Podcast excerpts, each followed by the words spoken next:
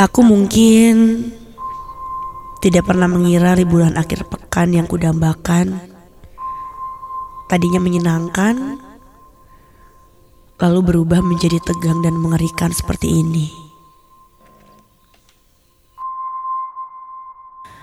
Ini adalah kisahku sebulan lalu. Ketika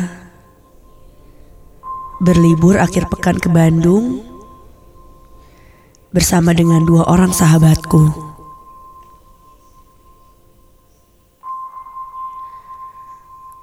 Namaku Zahra. Aku bekerja di sebuah perusahaan agensi di Jakarta.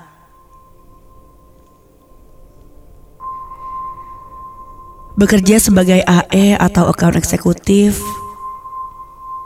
terkadang membuat jam kerjaku tak menentu. Karena di saat akhir pekan pun, terkadang aku harus bertemu klien. Belum lagi pekerjaan dari hari Senin sampai Jumat yang sangat padat dan benar-benar menyita waktuku.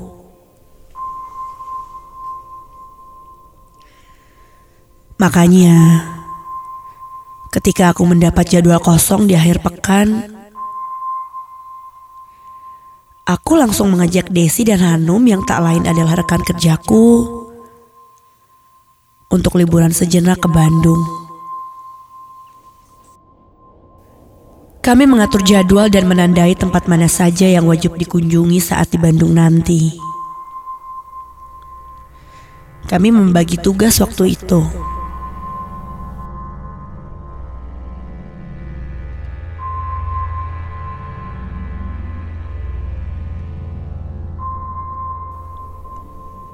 Desi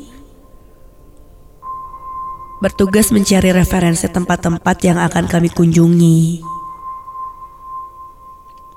Hanum mengurusi tempat penginapan. Sedangkan aku bertugas mengurus transportasi. Lalu karena lumayan agak mepet waktunya,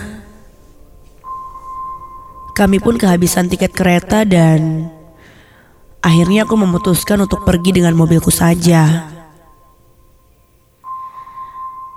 Ya, meskipun aku tahu lalu lintas pasti akan sangat macet saat itu. Tapi dengan pertimbangan segala resiko yang ada, kami akhirnya bepergian dengan mobil.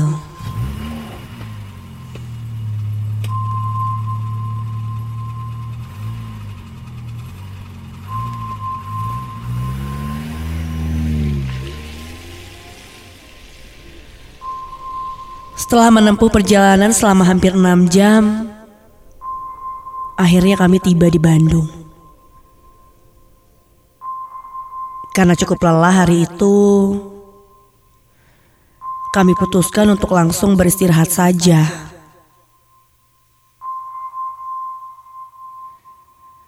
Kami menginap di sebuah villa di kawasan Dago Atas. Kata Hanum, villa yang akan ditempati itu adalah rekomendasi dari temannya. Selain karena beberapa penginapan penuh, Villa ini juga dipilih karena dekat dari tempat yang akan kami kunjungi selama di Bandung.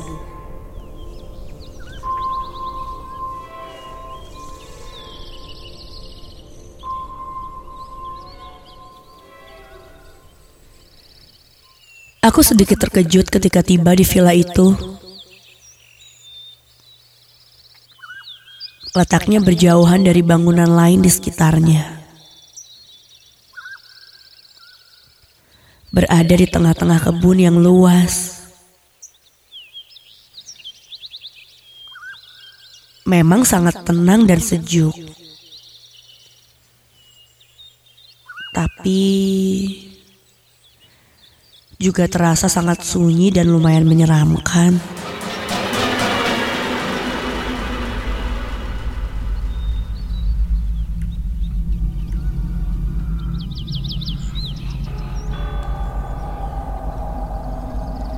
Sebagian besar bangunan villa ini berbahan dasar kayu. Dengan dominasi warna coklat dan corak klasik khas tradisional Jawa.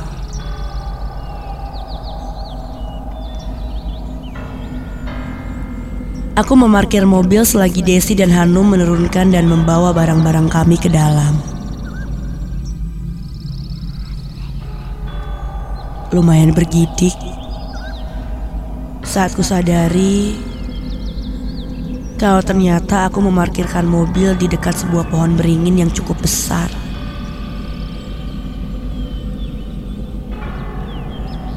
Pikiranku langsung mengarah pada latar-latar di film horor yang pernah ku tonton.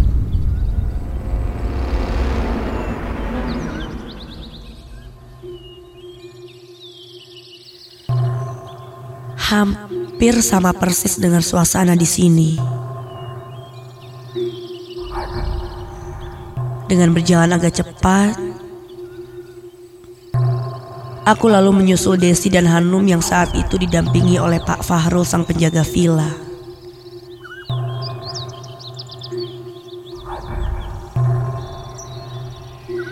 Num, lo yakin nih kita di sini? Creepy banget kayak di film-film horor. Begitu keluhku pada Hanum. Tapi dia hanya merespon dengan candaan dan memintaku untuk tenang karena hal-hal mistis semacam itu hanya fiktif belaka.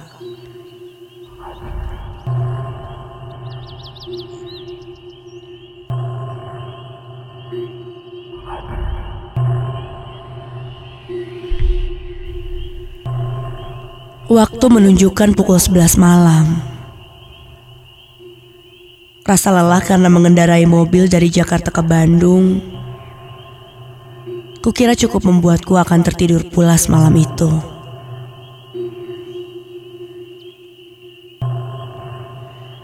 Ada dua kamar di villa itu.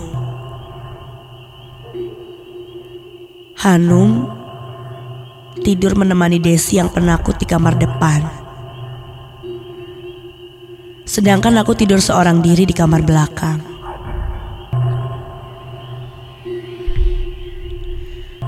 Tak terfikirkan hal-hal yang aneh sama sekali saat itu.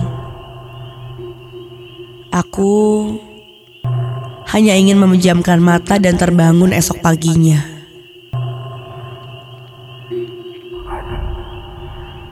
Tapi nyatanya tidak demikian. Entah mengapa aku malah sulit tidur.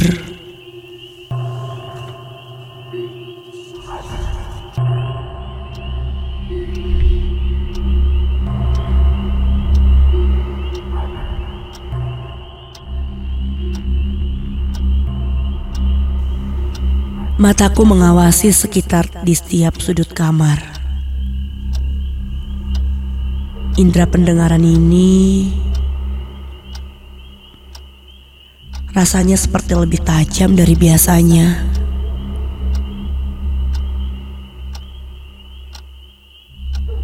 Suara jam berdetak. Hewan-hewan malam, bahkan hembus angin jelas terdengar.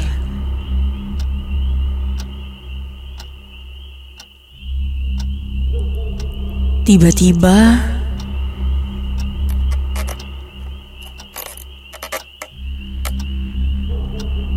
terdengar olehku. Bunyi dinding kayu itu seperti dicakar oleh kuku.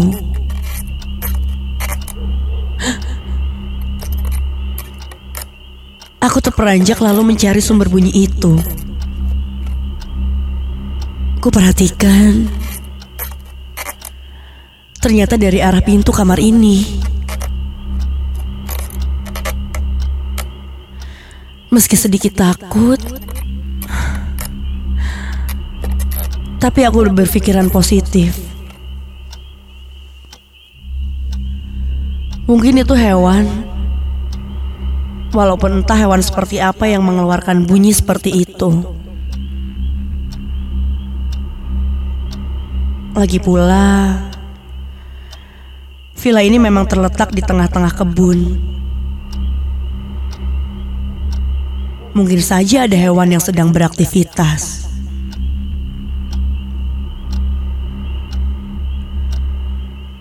Aku lantas menutup tubuh dengan selimut dan memejamkan mata. Saat rasanya aku sudah tertidur cukup pulas,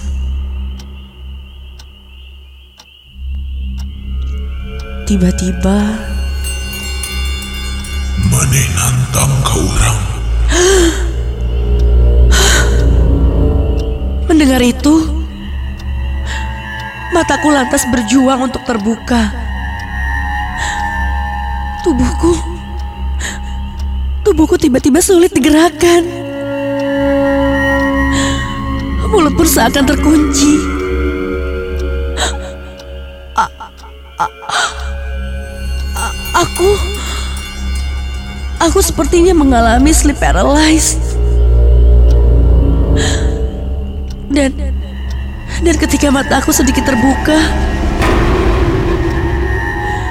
kulihat samar sosok tinggi kurus sedang berdiri di pintu kamar yang terbuka itu. Jalannya jalannya menyeret pelan ke arahku sambil berkata, Maneh nantang ka urang. Ya Tuhan. Sesaat aku melafal doa dan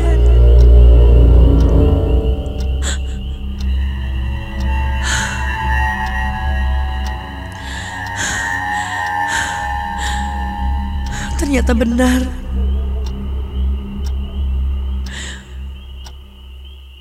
Tadi aku mengalami sleep paralysis. Aku lekas melihat jam. Dan ternyata barusan aku hanya tertidur beberapa menit saja.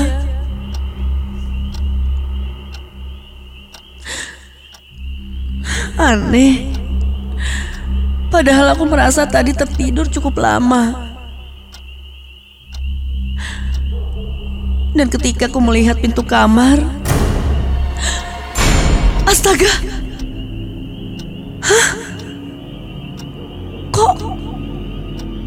Kok pintunya kebuka sih?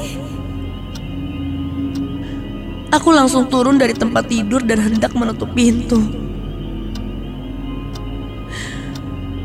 Namun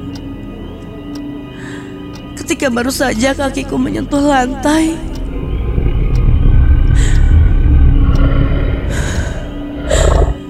terdengar suara parau bergumam dari arah luar. Pun setengah berlari langsung menutup pintu itu dan kembali ke tempat tidur.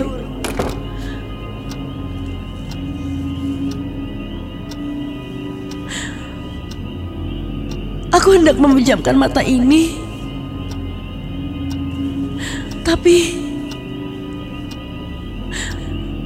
ketika aku sedang mencoba untuk tidur,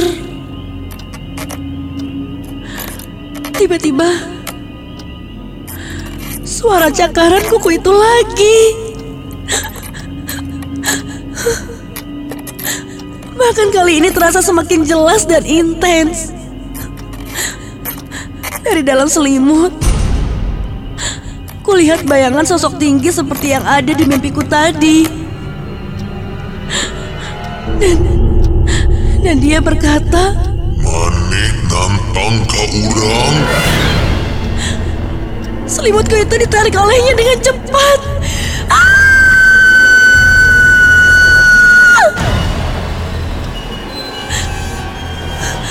Kini, kini jelas kulihat sosok tinggi kurus kerontang itu berdiri tepat di depanku.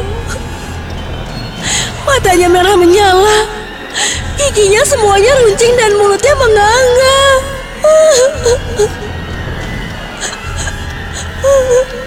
Kukunya, kukunya panjang dan tajam seakan hendak mencakarku.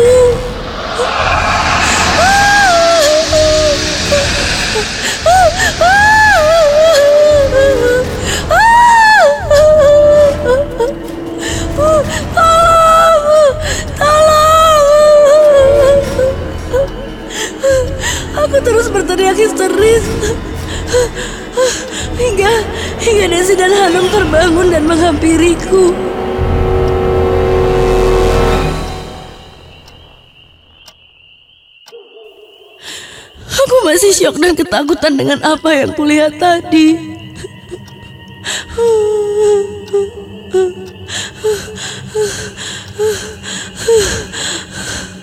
Hanum pun lantas berinisiatif untuk menghubungi Pak Fahrul yang rumahnya tidak jauh dari villa.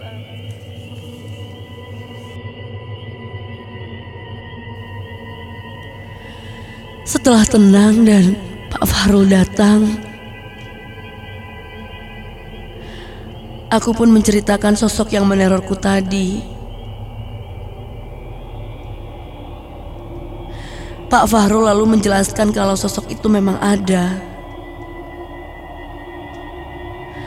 Namun jarang sekali muncul jika tidak karena sesuatu.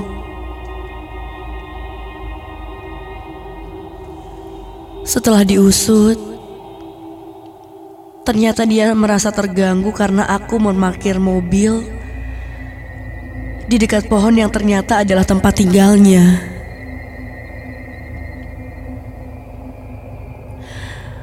Aku pun langsung teringat sosok tadi yang yang memiliki tangan seperti akar pohon. Setelah mobil dipindahkan, kami pun menunggu pagi dan berencana untuk pindah dari penginapan ini.